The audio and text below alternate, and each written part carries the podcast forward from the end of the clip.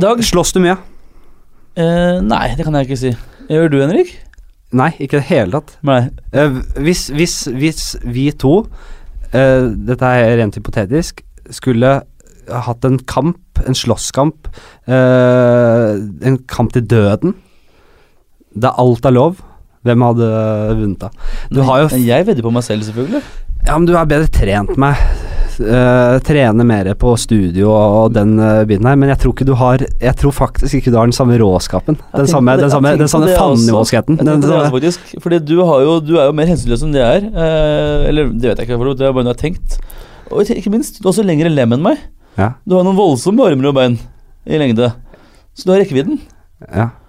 og høyden. Men det er klart, hvis du hadde, hvis du hadde rukket å kaste deg inn i livet på meg og fått meg i bakken, eh, og med mindre jeg hadde hatt en, en vase jeg kunne knust og kutta uh, og raspa det opp så jeg skal en gang du lapsa meg av en eller annen grunn. Du fika til meg. ja. Uh, jeg visste ikke hvordan jeg skulle reagere, for det kom så bardust. Jeg måtte ta igjen, selvfølgelig. ja, men det er en Og det det jeg er, var å la det i bakken bare. Jeg måtte bare komme meg inn i kroppen din, legge det i bakken. Ja, Men det er det fikegreia. Det er en felles uh, en, en, en, en greie jeg har hatt med vår felles venn og min gode Ja, barndomsvenn Magnus. Uh, fordi før i tiden så Altså, hvis en av oss hadde gjort noe som var uh, ikke, Som ikke var bra, bra nok, liksom, altså, som var upassende, og som var, det var klart grunnlag for at det skulle bli avstraffelse, så var det helt i, Så kunne man dukke opp på dø, døra til hverandre. Bare 'Hei, er Magnus der?' 'Ja, vent litt, da. Han er og dusjer.' 'Ja, han kommer nå.' Og så kommer han til døra, og så Det eneste jeg gjør, er å måke til den rett i trynet. En skikkelig fik, og så sier Aldri si det igjen. Og det er greit. Og da var det sånn da, Og hvis det var, hvis, man hadde, hvis det var legitimt grunnlag, så kunne man bare Det er jævlig vondt, man blir forbanna, men ja, ah, ja, greit, da. Det var, det, og det har vi fortsatt med til, til den dag i dag. For det fortalte meg før også, nemlig. Og det, det, det, det beste situasjonen jeg hørte du prate om da, var en gang jeg var på byen, og du skulle fortelle en vits foran flere mennesker som alle satt og hørte på. Og rett før punchen kom, så fiker han til deg og tar selvfølgelig ut all lufta av den vitsen. Det er noen ganger vi bare syns tanken på å fike er så gøy og upassende at man fiker selv om det ikke er grunnlag for det. Og da kan man vente seg Da blir det jo Skal vi begynne med det også, Henrik? Skal vi, Nei, jeg orker ikke flere sånne i livet mitt. Nei, det er jo Jeg, jeg, jeg, jeg, lever jo det, lever jo i Det er jo terror. Det er jo nå, Eh, Jo, i dagens gjest er uh, kom til, Fikk du kom til noen konklusjon? Hvem som hadde tatt det ved- Ja, selvfølgelig. Det er meg. du, hadde, tror jeg, du hadde drept meg? Jeg mener jo det. Kan ikke Hvordan, mene noe annet. hvordan hadde du uh, Jeg tror hvis jeg hadde jeg hadde ikke tatt fem jeg si jeg hadde, ikke, jeg hadde ikke tatt fem øre for å gripe etter en, etter en flaske og knuse den og skutte strupen, denne drittstrupen din. Uansett hva reglene er for noe, så hadde du tatt og, og brutt dem og drept meg, tror jeg. Du hadde enten kommet tatt meg på et tidspunkt hvor jeg ikke visste det var, det var en kamp, i det hele tatt, eller du et våpen på innsiden hvor det bare brukt. Jeg hadde, jeg hadde kutta strupen din før du rakk å blunke, så hadde jeg skjært av pungen din og hengt den i beltet. Snitta et hull i den pungen din og hengt den i beltet, som alle de andre uh, ofrene har eh, høvla over. i pungbeltet ditt, fullt av folk. Ja, det er ikke få punger på det. Tenk hvor rått det er å, være en morder som har pung i beltet. Du har sånn 28 punger. Men det er vel kanskje da den mest opplagte morderen du kan få tak i. Det er ingen som lurer på uh, om han drepte eller ikke, eller om det er, om det er greit. Det er, neste, det, er neste altså, det, er, noen mordere jeg respekterer. Altså, det er bl.a. blant annet de som har pung i beltet. Ja, men Hva med de som tar offerets Altså skinnet på hodet over sitt eget hode? Er det noe du kunne ha skjedd?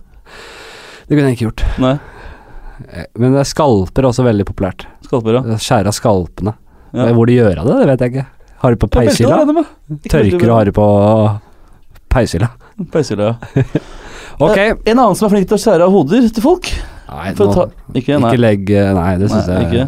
Han er veldig, veldig Han har veldig, veldig eh, god etikk og moral, eh, selv om han driver med en av de voldeligste kampsportene i, eh, i verden. Det er nemlig Knut Berg. Mm. Han er norsk kampsportutøver. Vi skal alltid bli så seriøse når vi skal komme inn på gjesten. Det blir sånn Jo, oh, Ja, kveldens gjest er okay. eh, den Henrik, Vær så god, få høre nå. Vær liksom så laidback og gøyal, men like informativ som du kan. Kjør.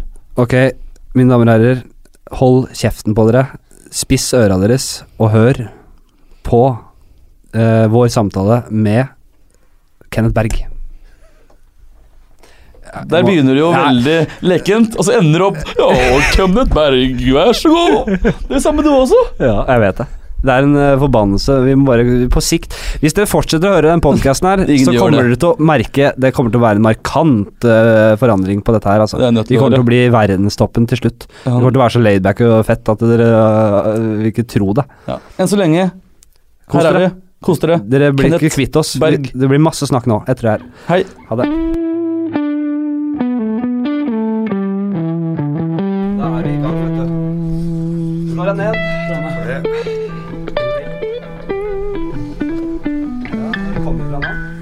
Nå kommer jeg fra um, hjemmet.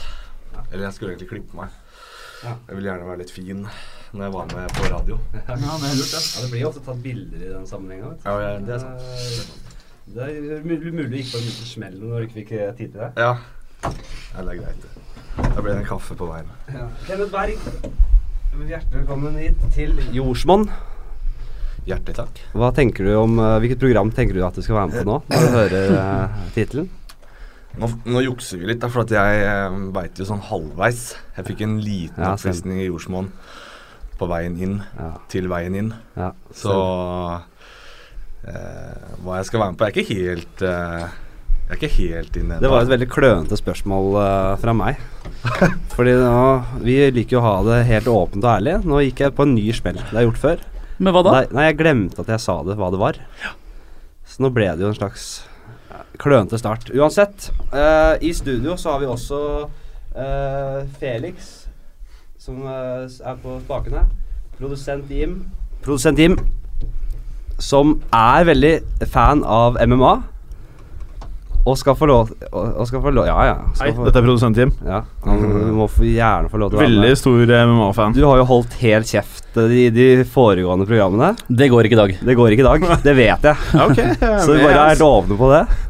Ja, jeg vil veldig gjerne være med. Hvis jeg kan det. Lars Joakim Kvernrud Yes. Hagen, Ja. Du er er til stede. Og meg, Henrik Fladseth. Vi gleder oss uh, veldig til en uh, uformelt prat uh, i dag. Ja, og med oss har vi Kenneth Berg.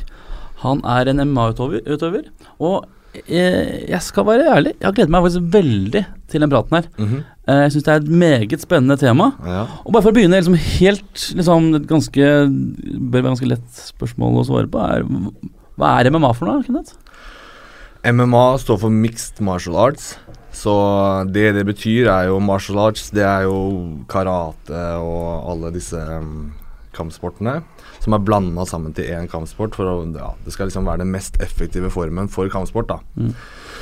Og det gjerne alle kobler MMA til, er uh, merkevaren eller organisasjonen UFC Mm. som er, står for Ultimate Fighting Championship. Og det var de som på en måte satt MMA på kartet på 90-tallet, når de starta det her No Holds Bar, heter det. Det er ingen regler.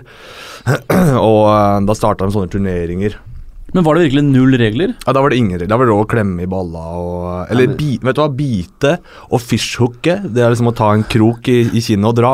Det var ikke lov. det eneste. Men bortsett fra det, det, det var mange som kjørte alvorlig balletak der, og det var liksom um, Det var ingen regler, da. Men uh, å stikke fingra i øyet og sånn var sånn du, du, jeg, tror du, jeg tror du kunne liksom ta en liten finger, men uh, Men, uh, det, men det var liksom sånn fingre i øya med åra. frowned upon, og det var sånn Ja, fingeren er ikke så greit, liksom. Men det var Det, var, ehm, det starta derfra, og så har det utvikla seg da til å bli mer sivilisert. I, eh, I hvert fall i eh, de som forstår seg på det sine øyne, da. Så man bare, Kunne det skje at det lå liksom to øyeepler i ringen, og en uten øyer uh, Og det skreik skreik og hyrte, liksom? Helt sikkert uh, før Det var noe som het Valetudo, som måtte være forgjengeren, og som også eksisterte samtidig. Eh, det var i, eh, i Brasil eh, spesielt, og da har du noen av de legendene, sånn som f.eks. Wanderlei Silva, Axe Murderer. Han er en av de største legendene i MMA, da, og han bygde opp navnet sitt i den sporten. Som på en måte var forgjengeren. Og, og der var det også sånn bare knuckle, eh, hvor alt var lov, da. Og, og der kan det godt hende at det var masse um, øyeepler som lå og rulla. Men eh, det var litt samme greia. Sånne ting som liksom man ja, Dette gjør vi ikke sånn gentleman's agreement, da. Ja, og at folk angrep som regel ikke skrittet så mye. Og det som var litt gøy å se, er at em, i dag, når folk får seg en, en, eh, en suser i balla MMA er veldig slitsomt, ikke sant. Ofte når noen får seg en suser da i skrittet, da, så, så bruker de det. De reagerer veldig, og så, okay, og så har du fem minutter da til å hente deg inn. da. Ja. Men på den tiden så så du ikke så store reaksjoner. Når noen ble slått i skrittet, så var det liksom ikke så Det gikk på en måte greit, da, hvis du skjønner hva jeg mener. For du tenker deg selv, ja, det gjør veldig, veldig vondt, men hvis det, at det er kamp på liv og død, da, Ja. så er det ikke det som stopper deg, at du får et slag i, i skrittet. Nei, Mm. for jeg, du, øh, Av og til så tenker Når jeg ser MMA, så, se, så får jeg bilder fra liksom dyreverden, nesten. Fordi jeg, man ser gutta nede på gulvet, Ja. bryter, det er voldsomme kamper uh, som pågår. Men det er mye uttrykksløse. Det er uttrykksløse Det er sånn der konsentrerte Bare 'nå skal jeg overleve', gjøre det riktige. Ja, Så man ofte ser en stakkars man hjort bli bitt i stykker i halsen. Helt uttrykksløs. Litt den type opplegg. Ja, greia der er vel egentlig at den, den, det du får presentert, den MMA-en som du ser, Ja. det er på det høyeste nivået. Det er de aller, aller beste i verden. Ja. Som gjerne konkurrerer da i UFC. Og de er profesjonelle. ikke sant? De har gjort det her i mange mange år, og de har nådd så langt at de er i den største organisasjonen, så de er blant de beste i hele verden. De, Grunnen til at du ikke du ser den samme eh, hva skal jeg si, At du sier at det er sånn uttrykksløst, er for at de er profesjonelle. ikke sant? De er i øyeblikket, og så gjør de det som kroppen deres er lært til å gjøre. da. Mens hvis du ser på et MMA-stevne som er amatør, så vil du se en helt annen greie. Da vil du se helt annen sånn energi og blikk og sånne ting. Med, med redsel. mye mer. Ja. Og så mye mer sånn at du ikke helt forstår hva de er med på. Skriker de liksom av og til Det- Ja, hjelp! Liksom. Det er det. Det er ikke så mye skriking. Det er ikke så mye, det er ikke så mye rom for skriking der. Men uh, fordi at hvis du skriker, så er det noe de kaller verbal tap. At du, oh, ja. du gir deg ved hvis, hvis jeg ligger i en lås, da, noen drar i armen min, og jeg roper «Ah!», så er det verbal submission. Det betyr at jeg gir meg ved å rett og slett skrike. Ja. Nå holder det. Istedenfor at jeg, bør ikke si nødvendigvis stopp, men det at jeg sier «Ah!», er et tegn på smerte, ikke sant? Og at det, det, nå er det på bristepunktet. Akkurat, ja. Og da er det en verbal submission. Så, Men greia er at i am amatørstevner så er det De har ikke nådd det nivået da, hvor de er, eh, hvor de er helt inne i den uttrykksløse sonen. Så det er veldig mange inntrykk, og så vet de ikke helt hva, hva de er med på. da Og da ser man veldig mye mer av de greiene der. Folk som gir seg kanskje, og sånne ting. da Jeg har aldri sett noen skrike hjemme. Nei, nei Det er, når du sier det, så aldri Men hadde du vært helt nærme, så hadde du hørt all den gryntinga og stønninga og folk som ikke helt får puste ordentlig og øh, sånn Når du ser på TV at noen blir truffet, da, så, så hører du ikke nødvendigvis lyden av knokkel som treffer eh, en annens knokkel, liksom, eller når to bein treffer hverandre. da. Den lyden der hører du ikke. Du hører kanskje et klask av en fot som treffer et lår. Det, det kommer gjennom. Men hadde du vært helt inne, hadde f.eks. vært dommer, så hører du alle de lydene. Eller når en blir smelt ned i bakken, så hører du kanskje at canvasen sier dunk, men du hører ikke lyden av luften som blir trykt ut av lungene på motstanderen, og at han hiver etter pusten, eller at det gurgler fordi han har samla blod i halsen, eller sånne ting. da. Fader, for noen bilder du lager nå. Ja, Kenneth. det er veldig, veldig bra. bilder. Men jeg, jeg tenkte bare på Jeg, jeg, jeg, så, jeg har så mange spørsmål. ja, Jeg har mye mer enn bare mange. Jeg har en tendens til å nå, nå Jeg må bare gi ordet til deg. Det er bare kjapt på. Og det er um, Fordi du sier jo at man, blir, på en måte, man klarer å skille vekk følelsene. Mm. Og det er selvfølgelig positivt. Men da lurer jeg på hvordan klarer man da å være så utrolig nådeløs mot motstanderen? Det er forskjellig fra person til person, og så har det også veldig mye med at når man tre, altså treninga du gjør i forkant, eh, alle de årene, den gjør deg jo klar for den situasjonen når du skal konkurrere. Og det er også en læringsprosess. Det er noen som på en måte naturlig har et eh, det vi kaller killer instinct. da. Eh, sånn som han jeg snakka om i stad, Wanderlei Silva. Han er notorisk kjent for å ha killer instinct. Var kanskje ikke den aller, aller mest tekniske, men utrolig fysisk, og, og liksom kanskje den altså definisjonen på killer instinct. Hvis han traff deg, og han så kanskje at øynene begynte å snurre litt, så, så var det over. Da, da var det sånn hai som lukta blod, liksom. Da er det bare spise deg opp til, til det ikke er noe igjen, da. Men det er ikke alle MMA-fightere som har det der. Det er faktisk veldig mange på toppen også som De er så gode teknisk og så gode til å holde ro. Og, og, og, og holde den samme roen gjennom hele matchen. At det er det som ofte gjør at en vinner. Men blir de tatt ut av den roen og den sonen, så kan det godt hende at de da ikke presterer like godt. Så det er ikke alle som har det der killer-instinktet, men det er noe du trener opp. Så f.eks. på trening, hvis du blir slått hardt, da, og du sparer med en som er bedre enn deg Hvis du venner deg da til å legge hendene foran ansiktet ditt, og så titter du ned i bakken, det er noe som treneren vil se. Ok, aldri la blikket ditt forsvinne fra motstanderen din sin, eh, sitt område, i hvert fall hvor øynene eller brystet hans eller haka eller nesa er. Svakhet. Nei, ikke svakhet, men at hvis jeg ikke ser på deg når du slår meg, så vet jeg ikke heller hvor slagene dine kommer fra. Jeg kan, ikke, jeg kan ikke se en annen vei, fordi at balansen min vil da peke mot det punktet øynene mine peker mot. Så det er veldig viktig at jeg hele tiden har fokus på motstanderen min og hva som skjer. Samme hvis du snur deg i en match, hvis du ser andre veien, så vil du gjerne da, f.eks. om det er kickboksing, så vil du gjerne da få telling av dommeren. Så på samme måte som at du blir slått i svime og, og får en telling i, i boksing, så vil du få en telling fordi at du unngår eh, det som er hele hovedmålet med matchen, at man skal eh, slåss mot hverandre. da. Så Hvis du snur deg, da, så er du ikke lenger med i kampen. Da prøver du å, å finne veier ut. da, og Det er et tegn på at du ikke vil være der. Da vil du gjerne få en telling. Ok, nå må du skjerpe deg. Er du klar, liksom? Vil du være med videre? Ja, ok, greit. Du har Og det jo trener man på da, hele tiden.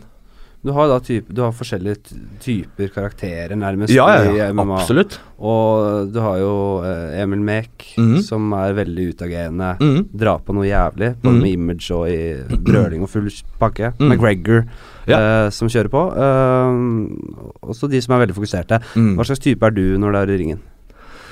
Eh, all, som du sier, alle Det er så mange forskjellige personligheter. Alle har sin måte å gjøre ting på. Eh, min måte å, å, å gjøre det på er at jeg jobber så hardt som det er mulig for meg å jobbe. da. Jeg, jeg prøver liksom å eh, på en måte maksimere alle tingene jeg kan. Hvis det, hvis det er kosthold, så prøver jeg å, å lære så mye jeg kan om kosthold, og så prøver jeg å maksimere den delen. Er det boksinga mi, så prøver jeg å makse der, og så, sånn, sånn gjør jeg på alle områder. da.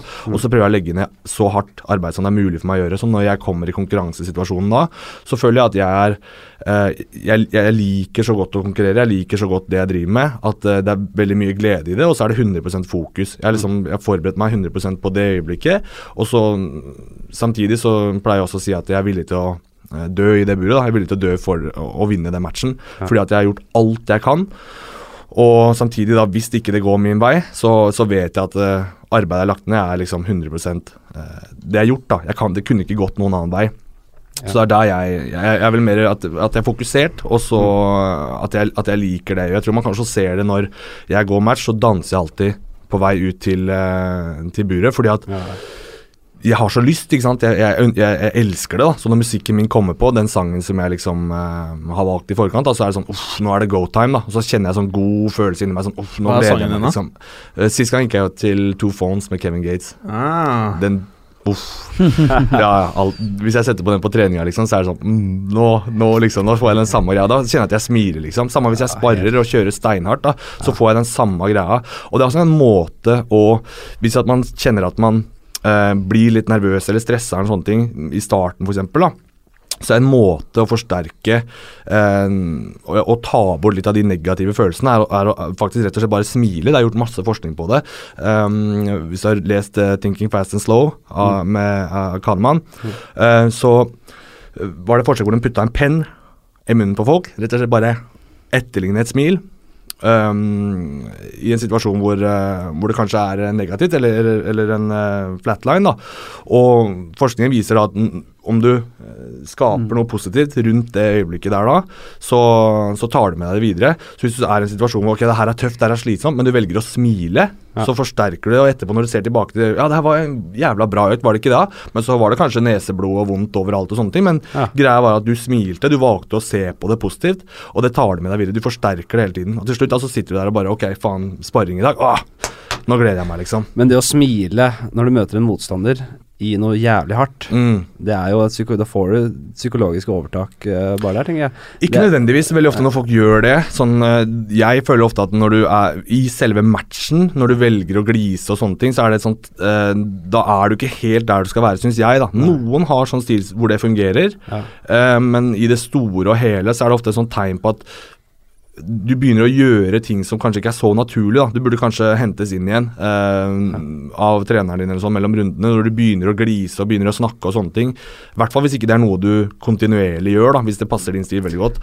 For da, da, da begynner du å gjøre andre ting enn det du egentlig skal gjøre. Det du egentlig skal gjøre, er jo å prøve å knuse motstanderen din. Ikke, sant? ikke, ikke glise og le og, og Man forsvinner litt ut av den sonen, da. Altså, alle sånne ting er jo verdt det hvis du vinner til slutt. Ja, ja, ja. Absolutt. det, så Absolutt, ja. men se på, se på McGregor også, beste eksempelet. Han pleier aldri å glise og sånne ting. Han står ikke og liksom ler og ha-ha-ha, men han, han snakker kanskje dritt. Men hvis du har lagt merke til hvordan blikket hans er, og hvordan uttrykket hans er, så er det helt likt hele veien. Han, det er ikke sånn at han begynner liksom å ha-ha, riste på hodet, og kanskje han liksom Men hvis han rister på hodet, så er det med det samme fokuset som han alltid har. Og det er det, um, det er det jeg snakker litt om. At når folk liksom begynner å le og liksom sånne ting, så er det ofte sånn, sånn stress. De gjør seg til. Det er ikke det Ja, naturlig for dem. det er sånn, de, de, de gjør noe som uh, Som du sier ikke er naturlig, da. Mm. Mm. Ja. Det er ikke et godt tegn alltid. Nei, Jeg skjønner. Mm. For du har fightere som eh, Jeg vet ikke om du husker Uriah Hall? Ja, ja. Uh, han var jo helt vill i eh, programmet til UFC, da. Mm. Eh, og så med en gang han kom til UFC, så var det liksom eh, Rogan og Goldie og gutta drev og pratet om at han eh, virket for snill. Ja, At eh, de mente at han eh, rett og slett var Han, han ønsket ikke å skade motstanderne sine. nei, det tror jeg er bare tull. Det var i hvert fall det de sa, da. Ja, jeg vet det, men Eh, at det var en av årsakene til at han ikke ble ny John Jones. For det var Ja. liksom det alle prata om, da. Ja, Mener du at det har noe eh, Åpenbart ikke, da, men mener du at det har noe å si? ja, i forhold til akkurat den greia der, så er jeg en bitte liten sånn insight. Jeg kjenner Mm. noen som har trent med han og, og Ja. sånne ting, og hørte en sånn greie der, da, i forhold til at når han konkurrerte i Tøffhuset Det som er greia til Uriah Hall, er at han, han blir veldig stressa av eh, det å gå match. eh, og når det er mye oppbygging og media og sånne ting, da, det, det, det gjør mye med han. Mens i Ultimate Fighter så konkurrerer du hele tiden. Og siden han er i så god form, og på en måte da får sett de andre hvordan de er, og sånne ting, så den formelen den passa perfekt for han, eller den ramma da, Mm. perfekt for hans sin eh, stil. Så da kunne han bare kjøre over de gutta, i tillegg til at de var ikke så fryktelig bra, og han var veldig eksplosiv og skummel, så han fikk muligheten til å på en måte skape en sånn person der inne i huset hvor alle bare Å, jeg vil ikke møte han, jeg vil ikke møte han, og da visste han det. At ok, han er redd for meg, ok, nå kan jeg kjøre. Men når det kom til UFC, da, så var det plutselig sånn at han var ikke lenger helt sikker på om han var bedre enn den han møtte. Og så ble det masse oppbygging, og så ble det masse usikkerhet og masse utrygghet, for at han i utgangspunktet er usikker, har blitt mobba og øhm, I hvert fall den historien som han har fått presentert, da, at han liksom har blitt mobba og sånne ting. Jeg ser på han mye mer som en bully da, enn en som, øh, enn en som øhm, er for snill. Jeg syns han virker som en bølle sjæl, men, men at han ikke tåler å bli bølla med.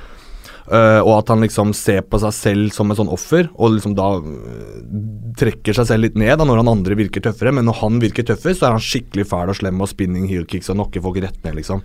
Uh, bare én ting til prata jeg og Henrik om før eh, sending. Ja. Dette er med syke. For Ja. Det er jo det du beveger deg inn på her nå. Mm. Syke og liksom eh, Jeg husker eh, jeg kjøpte meg eh, Fight Pass, Ja. UFC Fight Pass, og så begynte jeg å se på en del gamle kamper. Mm. Og så vet jeg liksom eh, Rogan og gutta prater alltid om stairdownen, fordi Vandelai Silva var jo Mm. kjent for å liksom stirre folk eh, i senk. Ja, Litt sånn Mike Tyson, at Mm. uh, du vant kampen før du gikk inn i ringen uh, med stairdown. da. du tenker på Krokop og Ja, Krokop. Ja, den er fin, den. Eh, ja, den er veldig fin. fin. Og så tenker jeg, uh, når du eh, skal fighte, eh, Mm. hvordan er det du eh, approacher matchen da? Er det sånn at du går inn fra å psyke ut motstanderen Nei. bare Nei. Nei.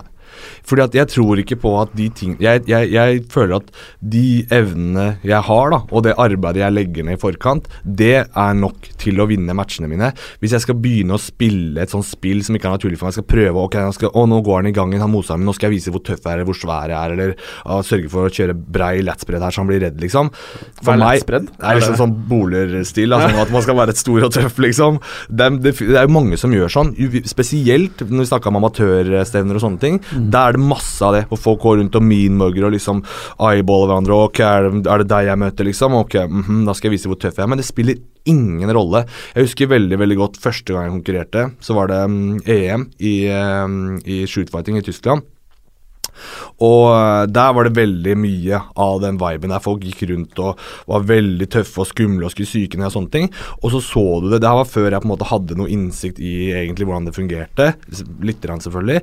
Men Og da så man liksom den ene etter den andre som var den tøffeste, som tenkte ok, han her vinner, liksom. Så bare ble feid over henne. For det, til syvende og sist, når matchen starter, så spiller det ingen rolle lenger. Om du har gått da, og du forteller deg selv at å, jeg er kjempetøff. For det er jo det du egentlig gjør. Du prøver å provosere projisere noe som du eh, innbiller deg selv, men hvis ikke det er sant, så spiller det ingen rolle. Det er, det er et korthus. Du bygger opp noe som bare blåser rett over ende, og når det blåser over ende, og det, og det går opp for deg selv også, at han andre Ok, det hadde ingen effekt, eller han andre innser at å, han var ikke så stor eller så sterk som jeg trodde, da, så spiller det ingen rolle lenger. Da har du brukt masse energi på å projisere en falsk person, da. Ja, ja, du bygger opp et reisverk med stor fallhøyde. Ja, ja, ja. Så Så, og, og det, det jeg, jeg ser ikke noe Jeg ser ikke noe verdi i det, da. Men da tenker, trekker man kanskje paralleller til Ok, Conor McGregor, ja, men han gjør jo det. Men greia er, uansett øh, hvordan man vrir og vender på det, alt det han gjør, det kan jeg love deg at Ok, det er, det er masse av det han tenker igjennom og sånne ting, men det er sånn han er skapt. Han har en naturlig karisma, en naturlig måte og liksom en, en naturlig approach for han til fightgamet, som funker for han. Det er 100% genuint. Om alt, om mye av det er kanskje tullball, så tror han på det. Og det er det viktigste, for da begynner du ikke å produsere noe som er falskt, men med en gang du går inn der og liksom Ok, hvordan kan jeg virke tøffest mulig her nå? Ok, capsen bak fram, det ser hardcore ut, det kjører vi. Og så liksom begynne, begynne sånn, da. Det er bare, det igjennom, er bare tull. Ja. Og så har du plutselig, da, som vi snakka om i stad, fokus på andre ting enn det du skal ha fokus på. Så for meg så er ikke det Og så syns jeg generelt at det er liksom Det er litt pinlig, da. Jeg syns det, iallfall. Men du er inne på det med fokus. Eh, Mm. Når du står der i ringen, du har fyren foran deg. Hva, hva tenker du på da, eller hvordan Hva går inn i hodet ditt da? Mm, det, er, det er litt sånn eh, flow state-aktig Ja. ofte. når man, eh, Du har ikke nødvendigvis nådd den enda, men eh, det er litt, det ligner litt på det. Hvor at treninga på en måte tar overhånd. da. Du, du står nødvendigvis ikke og tenker på Oi, han, eh, han er høyere enn jeg trodde, eller eh, sånne ting. da. Du, du, du tenker heller mer bare på eh, det du skal gjøre. da. Hvis, hvis målet ditt f.eks. er å legge press, ok, så begynner jeg å presse. Eller hvis målet mitt er å Jeg hører ofte Man hører jo alltid hva hjørnet ditt sier. De sitter jo rundt buret, ikke sant. Eh, hjørnet ditt er de mennene som Eller teammatesa dine som blir med deg inn i matchen og coacher deg. Så da har du gjerne tre stykker, eller to stykker, som blir med da. Um, og gir deg instruksjoner og, og vann og sånn mellom rundene. Men de roper jo ting, ikke sant. For sier de f.eks. 'sirkle til venstre', og så gjør jeg det automatisk. Sirkle til hører du. venstre. Det hører du veldig, Gjennom veldig hele godt. kampen. Veldig, veldig godt. Og så er det forskjell eh, fra person til person hvor, hvor bra man er til å respondere på hjørnet, men til syvende og sist, når du har et godt forhold til eh, de du trener med, og, og de som er med som hjørnemenn, da, så stoler du på det de sier. Når vi snakka om Emil Mek i stad Ja. Emil er en av de beste eh, jeg noensinne har sett på å ta instruksjoner fra hjørnet. Han er, han er som en eh, robot. Det er som å spille PlayStation-spill når du er i hjørnet hans. fordi at han han er så god på å ta instruksjoner, da. Og det er en sånn Det er en av de grunnene også til at jeg tror at han bare kommer til å fortsette å, å, å, å bli bedre og bedre, og også til å etablere seg enda mer internasjonalt, da, fordi at han det gjør at det er mulig for han å bli bedre og bedre og bedre hele tiden. Fordi at han ikke second guesser noen ting. Han får, han får informasjon fra riktige mennesker, og så stoler han på det, og så executer han med en gang. Og det er helt utrolig. Hvis du f.eks. ser en situasjon hvor, hvor han uh, har blitt tatt ned da, så hører han akkurat på det Jørn sier. Ok, skape rom med armen din. Um, risk control med venstre hånd. Uh, kom deg opp, og så ser du at han gjør det omtrent samtidig som du sier det. Fordi at han stoler sånn på Jørn, og fordi at han har, han har en e egen evne til det der. da. For det tror han har, fordi jeg, jeg har hørt Mike Tyson sa det, at han har en Mm. plan til å få et slag Mm. Og det endrer alt seg. Og jeg tror veldig mange bare blacker ut. Ja, ja, absolutt. De, de har en plan, eh, og samme også var forrige mot eh, Conor McGregor også. Mm. Og så er det. Planen hans var å holde venstre, var det vel, og Mm. ikke, og, og ikke bli stående med foten Mm. i bakken. Det Første runde så var en plan ut av vinduet. Han gikk, Ja. han gikk mot høyre og bare ble stående. Men når det kommer til Eddie Alvarez, så, så der er det litt, um, litt sånn annen greie. For han er så veteran. Han har konkurrert så mange år. Han har hatt så mange kriger hvor han har virkelig Hvor det har vært så fram og tilbake. Og han har vært liksom fem runder, spesielt mot Michael Chandler i Bellator. Hvor det har vært runde etter runde hvor han instinktene hans det, uh, har vært det som har redda han. da. Jeg tror at det var mye av problemene i den matchen. At han er vant til at instinktene kan redde han, men Conor McGregor er så utrolig presis, og han er så uh, god til å utnytte muligheter da, når han, når han ser dem, at uh, med en gang han andre avviker fra sin gameplan, da, så vil Conor McGregor kunne straffe han. Og det var veldig mye av det som skjedde der. Jeg hørte bare på MMA Hour, Mm. og da var en av greiene at de aller fleste som skulle beskrive fighting-gamet til eh, McGregor, Ja. var at han var en av de flinkeste til Han hadde eh, gameforståelse, da. Han kunne forutsi veldig mange av trekkene til motstanderne og Mm. liksom hadde en naturlig gave for å lese, lese Mm. fighten. Mm. I forkant eller under, under fighten?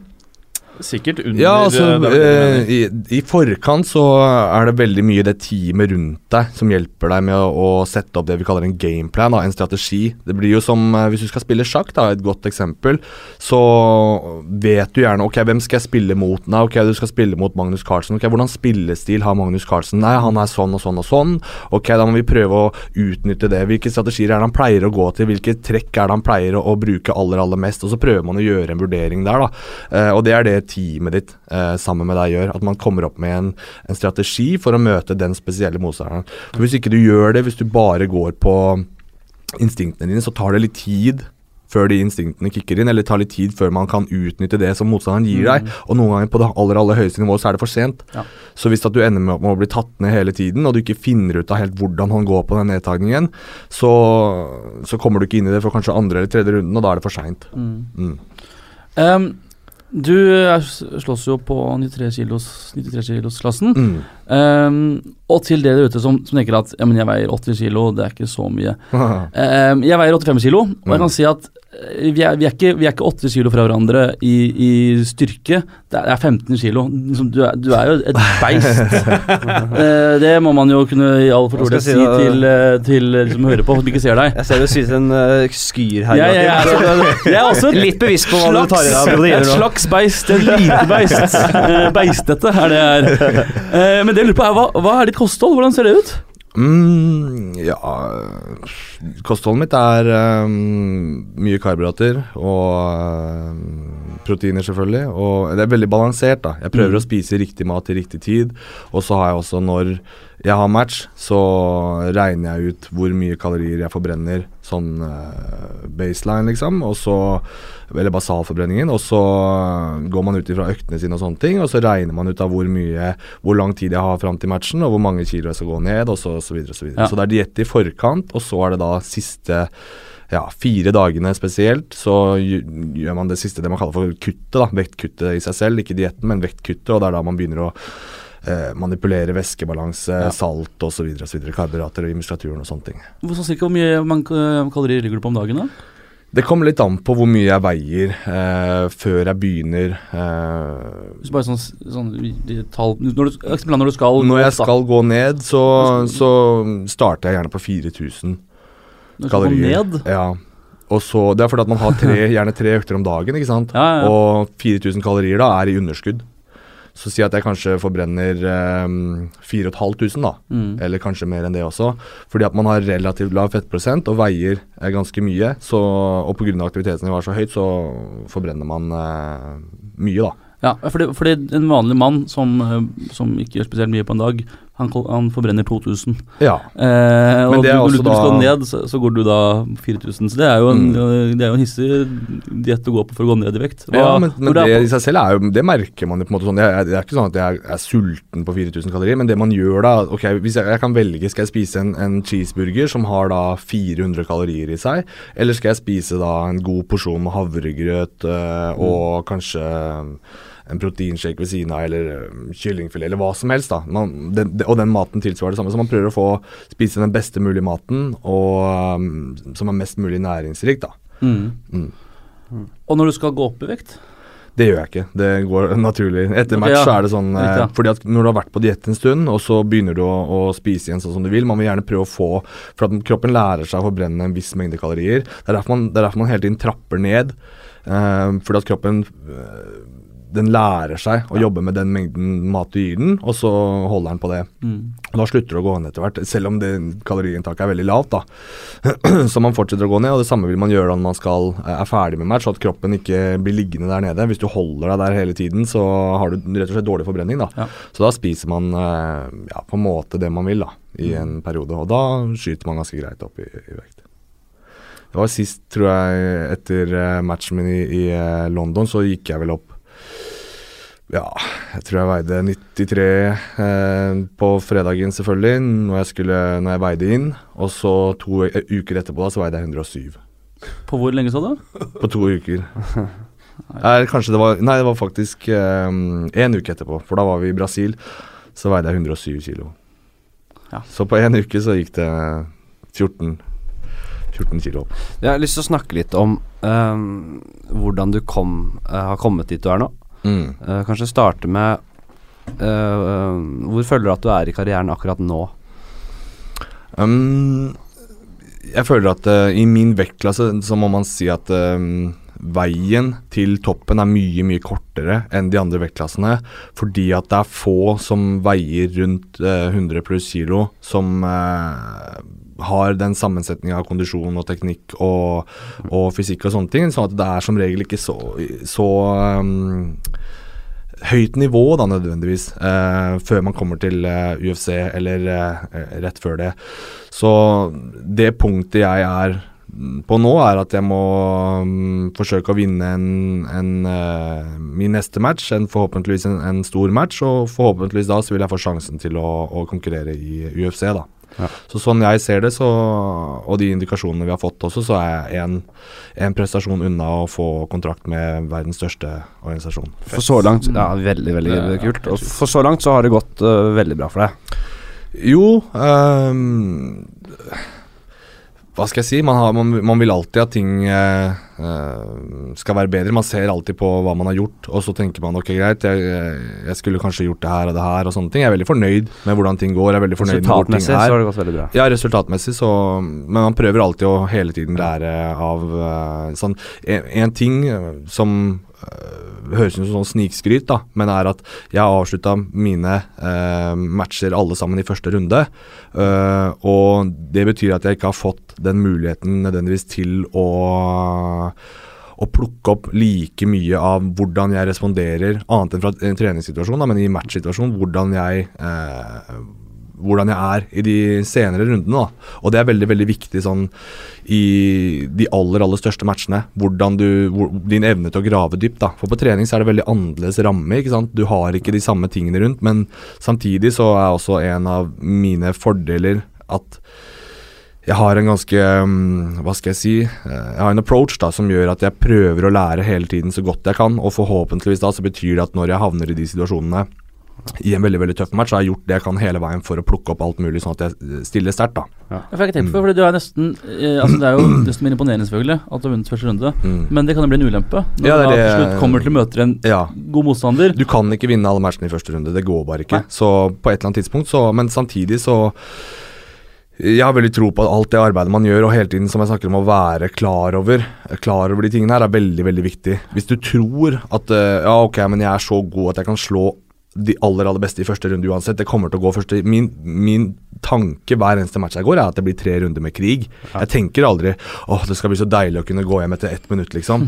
Jeg tenker jo aldri det. Hvis jeg gjør det, og det, og, mm, altså det sekundet jeg er over det minuttet, så begynner jeg å tenke å faen, og han er litt, øh, han er litt øh, seire, han her, og faen blir det flere runder nå, og det her er skummelt. Det går ikke, ikke sant. Du må hele tiden ha fokus på at ok, under treningen også, tenk om jeg skulle begynne å tenke sånn, ja, men trenger jeg å trene så hardt da? Jeg klarer vel å senke han tullingen her i første, jeg ikke det? Og så begynner man å tenke Ja. sånn. Det nytter ikke. Du må alltid ha fokus på at ok, det blir så hardt som det overhodet mulig. Det blir en krig, liksom. Og det tenker jeg altså hele tiden under hver eneste treningsøkt da, i oppkjøringa. Ja. Det er derfor også en oppkjøring er så tung. ikke sant? Fordi at du, du, du kan ikke bare møte opp på trening og gå gjennom bevegelsene og kjøre et par eh, kombinasjoner og bryte litt. Og, Ah, ok, det føltes bra, nå går jeg hjem. Du må, du må virkelig legge eh, hodet ditt 100 i alle teknikkene og bevegelsene du gjør, fordi at det er så utrolig viktig til den matchen. da. Men, nå- men med den mentaliteten du øh, har, og den suksessen du har oppnådd øh, så langt, så blir jeg, jeg og sikkert alle andre nysgjerrig på hvor, øh, hvor kommer du fra? Hvordan begynte du med det her? Hvordan har liksom reisen din vært? da? Mm, jeg begynte å trene uh, thaiboksing da jeg var 13 år ca. for det var broren til en kompis av meg som var instruktør, Petter Juel, her borte faktisk på, um, på Grønland, Ja. uh, på Partner. Så begynte jeg å trene der, og så skjønte jeg da at jeg likte det veldig godt. Men jeg var såpass ung at på den tiden så var kampsportmiljøet veldig annerledes. Så det var bare voksne menn egentlig som trente der. Og siden jeg var en liten gutt da, så var det ganske tungt å henge med, da. Men jeg syntes det var veldig veldig gøy og, og fikk masse ut av det. Så etter noen år da, så, så gikk det litt opp for meg at ok, jeg trenger å Jeg må bli litt større og sterkere, da. Så begynte jeg å løfte litt vekter og sånne ting, og så gjorde jeg begge to samtidig.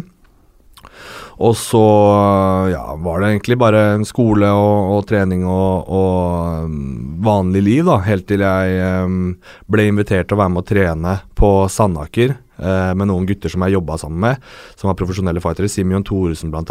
Uh, han er jo, mm, for de som ikke veit det, legende i norsk kamp- kampsportmiljø, da, og også hatt flere matcher i UFC. Uh, og der også var Jon Olav Einemo og Joakim Hansen også, som også er eh, eh, legender. Og så var Jack Hermansson der, og Mossen Bahari, og et par andre navn også. Så um, ja, da visste jeg egentlig ingenting om MMA annet enn det jeg hadde sett på TV og sånne ting. Um, sett på dataen, og så ok, greit, ja vel, jeg kan godt prøve det. Og så uh, var det På den tiden, da, så var kampsport og MMA veldig, veldig veldig underground. Det var nesten ingen som visste hvem som drev med det, eller hvem de gutta her var. da. Veldig lite media rundt, og en helt annen ramme, da. Men ehm, første treninga da, så fikk jeg sånn derre i hvert fall nå i ettertid så ser jeg det, da. At jeg fikk en sånn eh, Jeg vet ikke om du har gjort en ting noen gang i ditt liv hvor du, hvor du får en sånn derre enorm sånn Du bare må gjøre den tingen ferdig. Hvis ikke du gjør det ferdig, liksom, så, så funker ingenting etter det. Du, du, det, det bare sier klikk. Ok, det her det her må jeg gjøre, liksom. Og det er helt sprøtt, og jeg ser det nå etter det. Jeg fikk sånn der skikkelig sånn hangup. Jeg følte meg nesten sånn uh, Rainman, liksom. At det her Sånn, ok, uh, det her må jeg gjøre. Så um, kjøpte jeg meg en sånn teknikkbok. Eh, jeg har den fortsatt, faktisk. Og så begynte jeg bare hver eneste gang. Var med på treninga, og så spurte jeg når jeg følte at jeg hadde muligheten til å spørre spørsmål. liksom, ok, Hvordan gjør man det, hvorfor gjør jeg det her, og sånne ting. Og så prøvde jeg bare å forstå hele greia. da. Og siden da så um, har det egentlig bare fortsatt å, å være sånn. Jeg er akkurat like sulten i dag som etter den første treninga jeg hadde første gang. Ja. Hvis ikke mer, da. ja, men så deilig, da. Mm, absolutt. Man har liksom funnet den tingen som Jeg tror det er liksom eh, Ja. Jeg, derfor jeg er så glad i livet, da fordi jeg føler at jeg har funnet den tingen som jeg, jeg, Hver eneste dag så gjør jeg noe jeg virkelig liker, da, selv om jeg er sliten og sånne ting. Så er det sånn, jeg syns ikke noe synd på meg selv. Så jeg tenker fy faen så heldig du er som faktisk kan være sliten i seg selv. da Bare ok, du er frisk og rask, du er i ditt livs eh, form, liksom, og du, du gjør noe du har lyst til å gjøre hver eneste dag. da Det er eh, Og så, så fritt, liksom. Det er helt fantastisk. Ja, meningsfullt. Mm, veldig. Så kult. Ehm, ja. Ja, ja, vi har jo jeg, jeg, jeg, Skal man bare hagle løs med litt uh, Kjør nå. Ja, okay, Kjør. jeg tenker um, Hvis du havner Hvis det blir uh, beef utenom den profesjonelle uh, fightinga, Ja. hvordan forholder du deg til det? Hvis noen skal bråke med deg? Jeg føler at jeg, jeg, jeg, jeg får det spørsmålet innimellom. Ikke sånn 'hva gjør du da?' men om, liksom, om det er mange som prøver seg eller slenger dritt eller Og jeg er eh, Selv om jeg aldri drikker, så er jeg en del ute på byen, og, og um, jeg syns det er helt topp. Men jeg føler, jeg føler aldri at det er noe krangling eller uh, noen ting. Jeg. Nei. Kanskje jeg uh, er litt blind for det, men jeg syns ikke det er jeg syns ikke det er noen ting. Veldig, folk er kjempeålreite. Jeg tenker jeg, jeg, bare Jeg tenker nesten Eller det er liksom Først tenkte jeg liksom Ja, du driter i det, for det er jo du vet at du er overlegen uansett. Men så tenkte jeg kanskje det faktisk nesten er litt grann eh, si, Du jeg tror nesten er mer redd for det enn andre, for du vet at du vet at du kan Du har ikke rett eller lov til å slåss på byen i det hele tatt. Mm. Eller, eller føler du ikke det hele tatt? Sånn, Nei, altså, det er, jeg har veldig klare grenser på hva jeg syns er greit, og hva jeg ikke syns er greit. Det er ikke Ja. sånn at jeg um, Om noen hadde gått bort til meg og bestemt seg for å helle en bøtte med, med pils over hodet mitt, liksom, jeg har sagt åh, nei, jeg kan ikke gjøre noe her fordi at Nei, han er ikke eh, sånn, han, han er nådeløs, eller han er hjelpeløs, så du kan ikke Nei, nei. Da er det nei, nei, Nei da. altså, Respekt respekt. Da, da, da er det da? Nei, da må man jo bare begynne å dele ut susere, da. Men er det, Nei da. er det Hadde du gjort det Hadde, hadde du delt ut susere? Eller hadde du gjort det på en liksom skå, altså bare ydmykende måte? Nei, jeg tror ikke Du ser- Men eh, du ser de der der er litt Gamle, tegneserier. litt spesiell, tegneseriegreiene der du veldig holder huet til en som bare forslår i løse lufta, liksom. Det er det den approachen, kanskje. Eh, og så har jeg tenkt på en annen ting. Hvis eh, du hadde møtt en annen Mm. eh, utøver, Mm, si på byen eller ute på gata, mm. og det hadde, det, hadde ikke, det hadde ligget an til fight. Ja, Det blir fight. Faen, han er slenger okay. deg. Du finner deg ikke i det greiene okay. der. Det blir fight. Han er keen på å slåss, du er Ja. keen på å slåss. Ja. Det er i gang. Er det den samme eh, fighten vi ser i ringen da? Er det sånn at eh, du vil, han ene vil ikke inn inntil en husvegg. Da vet han at den er ferdig. Han holder seg på torget, danser på torget. Der er mye luft. Det kommer litt an på da hvis det var en person som jeg hadde trent med, liksom. Som, eh, som Og det hadde blitt noe Er det, er det den situasjonen der vi, vi men på nå? Tidligere treningspartner, bitre fiender. Ja, Møtte han på byen der, ble noe slenging. Ja. Han, han, han ville lenge- starte, og så vil, skal vi gjøre det her, liksom? Nå, nå, nå, nå skjer det. Er det den? Ja, det er den, ja. Ok, nei, men uh, da er det jo litt andre, andre ting som gjelder, fordi uh, da er det jo ikke noe, ikke noe hansker og ingenting, og det er ikke noe shorts og oppvarming, så da må du bare avslutte fort, da. Aha. Så prøve å um, sende et par susere så fort som mulig og avslutte der. Slå først. Ja. Ja. Det er viktig, det. Det er viktig å slå først. Det er jo regel igjen Ja. i enhver situasjon. Si at jeg, eh, jeg havner jo svært sjeldent i bråk. Jeg har Ja. alltid holdt meg i eh, bakkant, Mm. i utkant, fordi det er best sånn. Det er. Men hvis jeg havner i en ordentlig uh, basketak, da, Ja. har du noen st rykende ferske stalltips? Nei, jeg tror, altså, um, Hvis jeg skal være helt ærlig, da. Grunnen til at jeg tror at det ikke blir masse slåssing på byen, og sånne ting, og at jeg ikke ser så mye til det, er for at man har veldig, veldig um, Man bestemmer veldig mye av hvordan andre folk oppfatter deg, Ja. og så bestemmer man veldig mye av hvordan ting skal gå. Det er samme som hvis du uh, Om du dulter borti noen, da. Hvis du er hyggelig og sier 'vet du hva, beklager, det var ikke meninga', Ja. Uh, unnskyld, så går det som regel greit. Ja, det, det er sånn jeg, Og det jeg handler veldig mye om hvordan du tar det, over. du blir dulta borti deg. Ok, hvis du godtar den unnskyldningen, kjempefint. Man har ansvar for de greiene her. Og hvis man, hvis man er på byen og er veldig sånn og skal se etter alt som er gærent Å, fikk jeg en liten flekk med pils på skoen, liksom. Hva faen er Hvis du begynner der, da. Da er det du selv som, som avgjør om det blir slåsskamp eller ikke. Det er veldig sjelden at noen kommer bort til deg, prikker deg på skulderen og bare pff, slenger en klyse i ansiktet ditt, da. Ja, Og hvis noen gjør det, så er det jo en åpen invitasjon til å bli slått så hardt som mulig i ansiktet, da. Fordi at da gjør det mot deg, så må jo være klin gæren og bare Nei, jeg tror ikke det, men da Altså, hvis man gjør sånne ting, da, så er det jo heller ikke noe Da, da, da er det jo heller ikke noe grunn til at du ikke du skal få deg en suser heller, Fordi da er du en åpen interesse. Da ber du rett og slett no, om noen om å, å, å gjøre deg vondt, da, fordi at du gjør andre så, så vondt, holdt jeg på å si. Du, du, du ønsker å skape en konflikt med en eneste gang, men hvis det er en situasjon man kan velge, da Ja, det er klart det. Det er, veldig, det er jo lett å unngå det. Kjempelett. Ved, å- være en bra fyr. Kjempelett. Selvfølgelig. Men Den sånn situasjonen det skulle skjedd, ja. ja det, det beste er nok eh, rett og slett bare å, mm, å, å gå. Det er veldig sjeldent også at hvis at du, du merker ok, nå, nå, her, nå blir det slåssing, så er det jo egentlig bare å snu og, og løpe, rett og slett, hvis du, eh, hvis du er usikker, da. Men hvis du tenker ok, hva er den mest effektive måten å senke en person er så fort fort som overhodet er mulig, og dere står overfor hverandre, Ja. så vil jeg nok anbefale en knallhard albue eh, planta så hardt som mulig i, i ansiktet, da. Eh, Det er en sikker måte å senke noen på ganske kjapt. ja. For å ta det litt annet spor, eh, selv om det er gøy der også, selvfølgelig. Eh, jeg er tenker på, Har du, har du jobbet noe med, med barn og kampsport i det hele tatt? Eller er det Mm, nei, jeg har aldri jobba med barn og kampsport, men jeg jobba eh, på skole som eh, lærerassistent. ja, ikke sant? Det er den eneste Ja, for jeg tenker bare det er, Jeg tror det er veldig mange en slags oppfattelse om at, om at urolige barn mm, eh, er de, eh, blir farlige på kampsport. At, men, eh, men så er det de som jeg har hørt at dere har, har vært enten urolige eller drevet med kampsport, sier nesten er motsatt. mm, De som er litt urolige og er litt rastløse, de finner en utrolig ro mm. i nettopp det å drive med kampsport, fordi du må ha så selvbeherskelse og disiplin for å drive med det. Ja, eh, ungdom i hvert fall tror jeg det, det fungerer veldig bra for. Men når du er barn, så Altså kampsporttrening for barn blir mer sånn lek. Ja. Så det er veldig vanskelig å, å, å, å trene opp Jeg tror ikke det er bra heller, å trene opp barn til å, bli kjempeslitne og jobbe hardt. For det er grunnen til at du får veldig mye igjen for deg, at det er en slags sånn Det er problemløsning. da Du, du, du jobber med kroppen din, og så jobber du med problemer. Du har en motstander, og så prøver du hele tiden å finne veier. Du er veldig, man er veldig inne i øyeblikket. da Du, du må jobbe veldig veldig hardt, både fysisk og, og, øh, og så er det hjernetrim også, som jeg snakker om problemløsning. Og kroppen din eh, belønner deg veldig da etter en sånn trening, men som barn så blir det veldig vanskelig å, å sette dem i den situasjonen, og at man vil heller da prøve å skape lek rundt det. da Så at barn får den samme effekten av det, vet jeg ikke helt, men ungdom spesielt tror jeg har veldig veldig godt av det. Mm. Ungdom som har eh, Ja, som er litt utagerende, eller eh, som trenger eh, å finne på noe, da.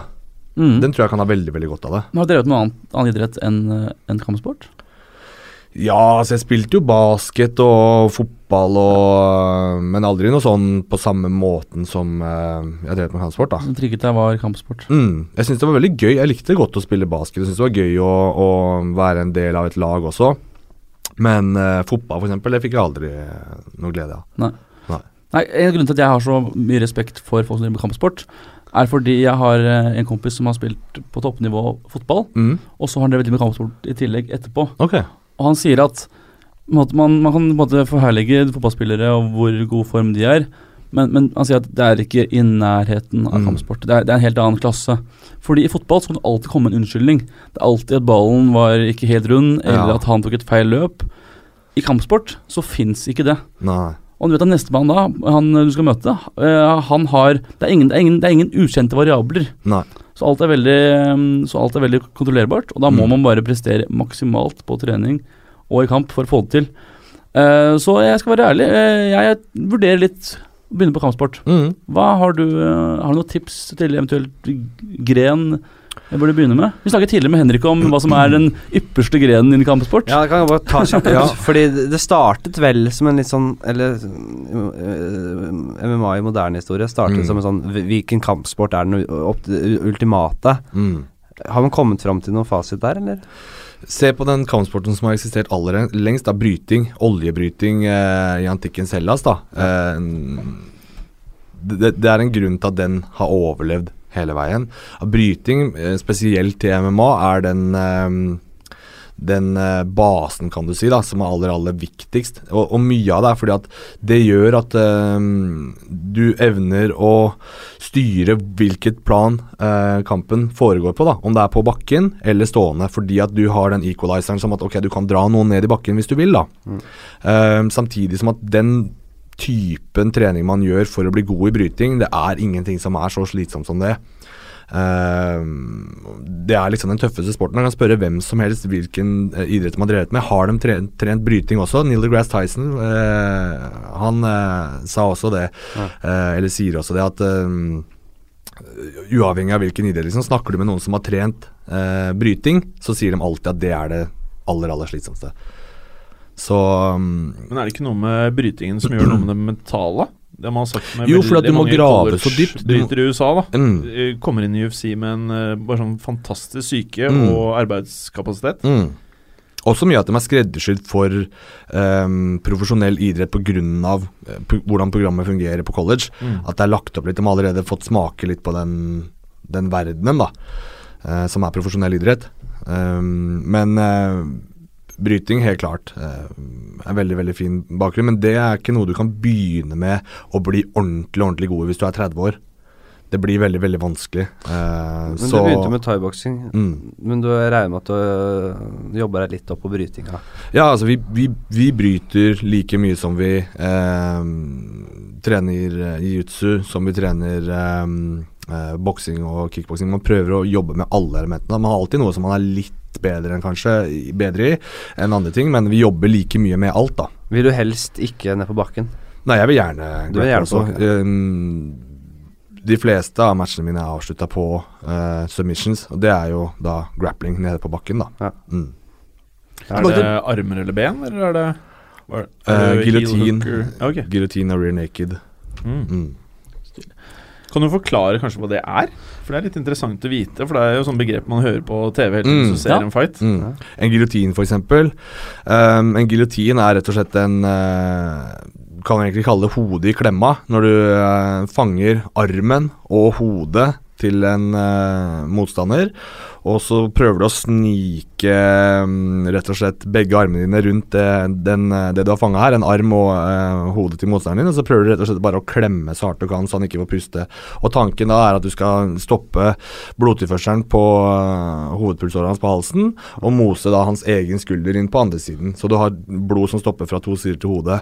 Og man ønsker aller, aller helst alltid å ha det man kaller for sånn blood chokes, eller en, en, en, en eh, låsning, en kvelning, som går på at blodet stopper eh, til hodet, istedenfor at du, du du har sikkert sett på film når folk klemmer noen i halsen, det tar lang tid å, å, å- stoppe noen fra å puste. Hvis du klemmer foran, klemmer pusterøret, det tar lang tid. Men hvis du stopper blodtilførselen, så kan det ta noen sekunder Ja. før noen svimer av. Ja. Så det er tanken, da. Ja, Mm. nettopp. Stilig. Jeg eh, For en utrent eller vanlig trent 27-åring. Kampsport. Um, jeg ville anbefalt ehm, Jeg ville anbefalt deg å rett og slett dra og trene på den eh, kampsportsklubben i Oslo, hvis du er fra Oslo, da. Ja. Den eh, kampsportsklubben som er um, aller, aller best, og det er Frontline Academy Bogstadveien i, i, i Oslo. Og der kan du velge da liksom mellom eh, om du brasiliansk jiu-jitsu, er det det du har lyst til å trene? Bryting, er det det du har lyst til å trene? Boksing, kampsport. Det, det, det tar litt sånn Hva skal jeg si? Det kommer litt an på skadehistorikk og sånne ting. Når man er 27, kan godt hende at man har spilt fotball, og så har man skada knærne sine og sånne ting. Har litt vondt i ryggen eller hva som helst. Begge er eh, tilfellet her. Ja, og da kan det være greit å kanskje um, prøve seg fram. Jeg mener at uh, brasiliansk jiu-jitsu er en veldig veldig fint sted å starte. Også fordi at du har muligheten til å gå 100 uten å nødvendigvis eh, skade deg. da. Du kan, Når man ruller, kaller vi det, når man setter på timeren, og så prøver man rett og slett å, å finne fram til låser og kontrollere motstanderen. Eh, der kan du kjøre 100% så hardt som overhodet mulig og prøve å avslutte motstanderen din, eller prøve å få en lås uten at den nødvendigvis trenger å være så skadelig. Mens hvis du gjør det når du bokser, eller, eller, eller eh, om det er kickboksing, og du sparker og slår alt du har mot hodet eller kroppen eller beina til motstanderen din eller til treningspartneren din, så går det Da, da blir det skader uansett. Så det er det som er så fint med brasiliansk jiu-jitsu. Om man har litt skadehistorikk, så er det en kjempefin måte å begynne å trene. I tillegg til at det er dødsslitsomt, og så er det den der greia med at du vil hele tiden kunne lære noe nytt. Aldri utlært. Og det er sånn, da blir man så, jeg i hvert fall, da blir helt sånn besatt av sånne ting. For da er det vet, ok, hvordan, hvis jeg gjør den teknikken, så gjør du det, og så gjør du sånn, ok, aha, aha. Og så blir du helt sånn her, da kan du bare fortsette å kverne hele tiden, da. Fett. Mm. Så det vil jeg prøve. Skal ta med. Ja. Men uh, først så er det kanskje en idé å prøve å klare å ta seg på ankelen når du tøyer ut. Ja, men man, alle begynner et sted. Ja da, jeg har mine ikke og det har Vitle du også. Ja. Så vi Ja. stiller jeg, jeg, har ikke, jeg har eh, ikke nærmet meg tanken på å begynne med kampsport. Jeg. Nei, ok. Nei, Fordi jeg, jeg, jeg hadde hatt veldig godt av det, selvfølgelig.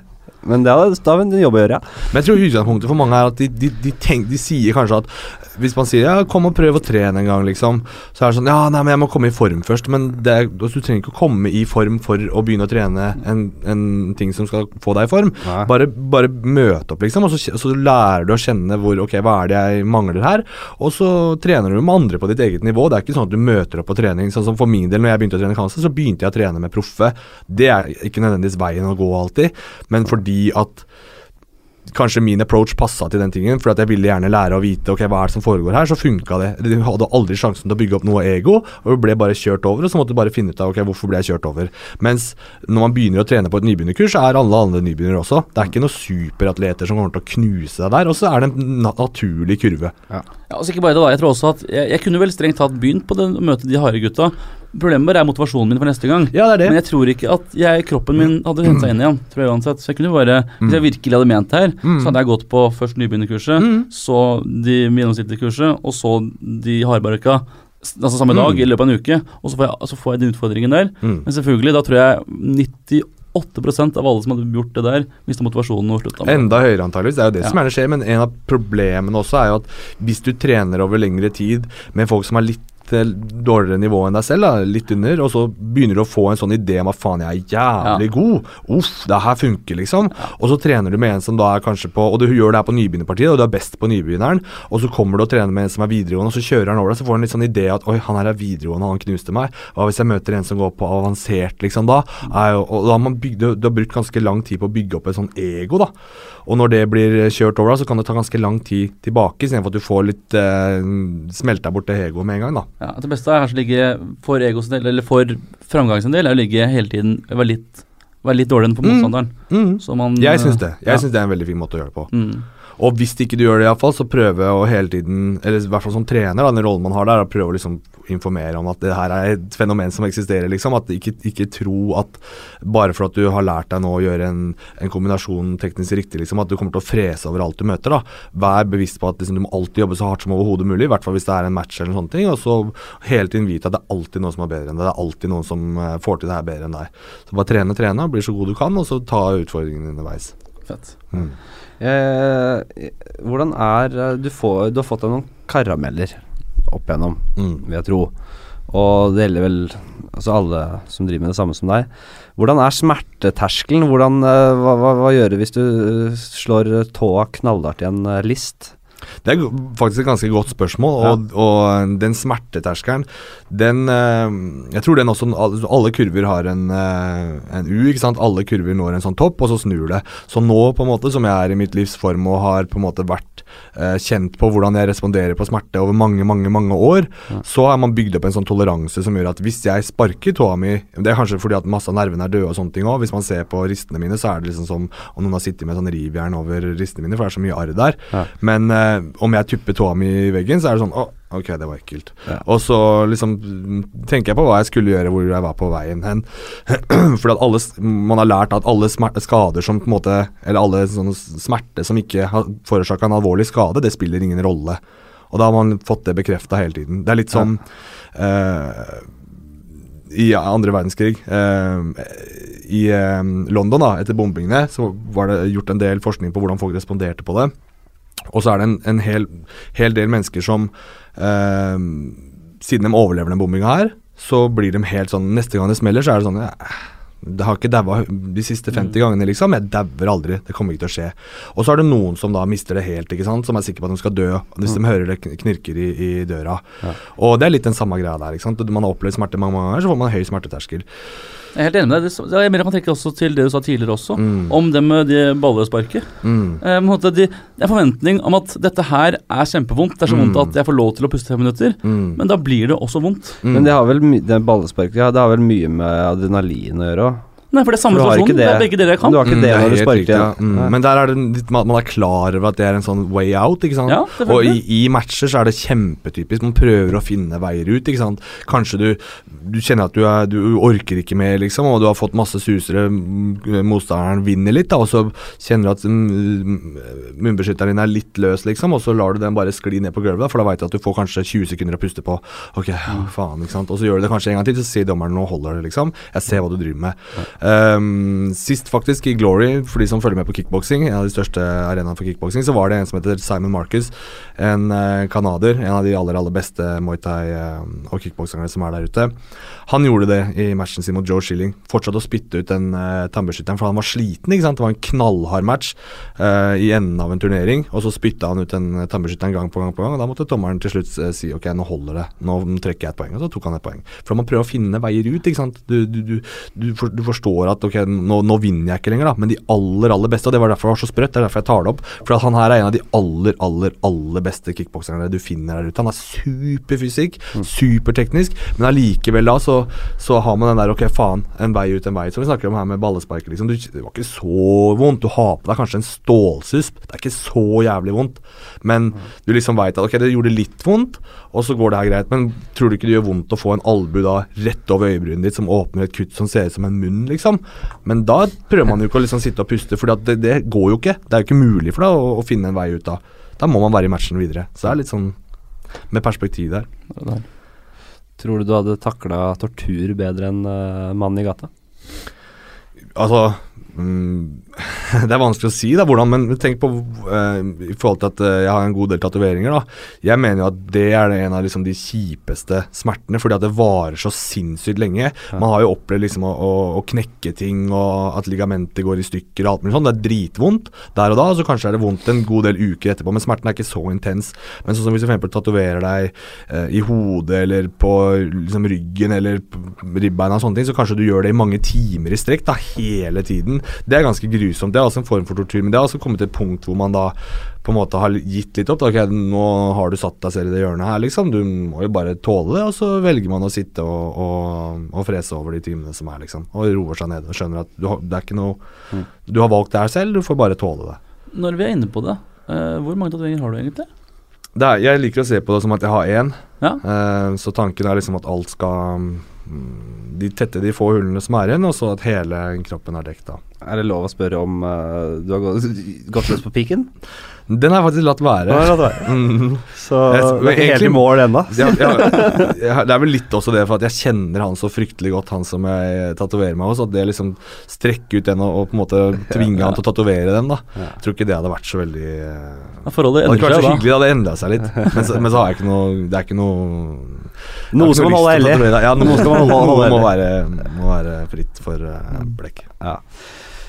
Du, er det noen eh, som på tampen Jeg vet du er nødt til å dra snart, Kenneth. Uh, noen uh... Ja, det, det, jeg, jeg, vil, jeg vil bare si at jeg Vi fikk en time med deg nå. Dritkult. Jeg vil gjerne ha deg tilbake igjen, for det er Mm. mye mer jeg lurer på. Men eh, vi skal selvfølgelig respektere den tiden du har brukt på oss nå. Og tusen hjertelig takk. Og ikke minst, lykke til videre. Takk. Neste gang vi prater sammen, neste gang vi prater sammen så har han kontrakt i Ja, det hadde vært Jeg eh, får håpe det hadde vært har jævlig gøy. Eh, jeg har prøvd å spørre deg noen tidligere. Eh, Mm. kan, ok, du som idrettsutøver eh, Topp, altså on the top of your head, Mm. topp tre tips til andre unge, unge folk som driver med idrett? Hvordan man skal komme seg videre, tenker du på? Eller hvordan man skal hvordan skal finne oppnå suksess? målene dine? Åpne suksess.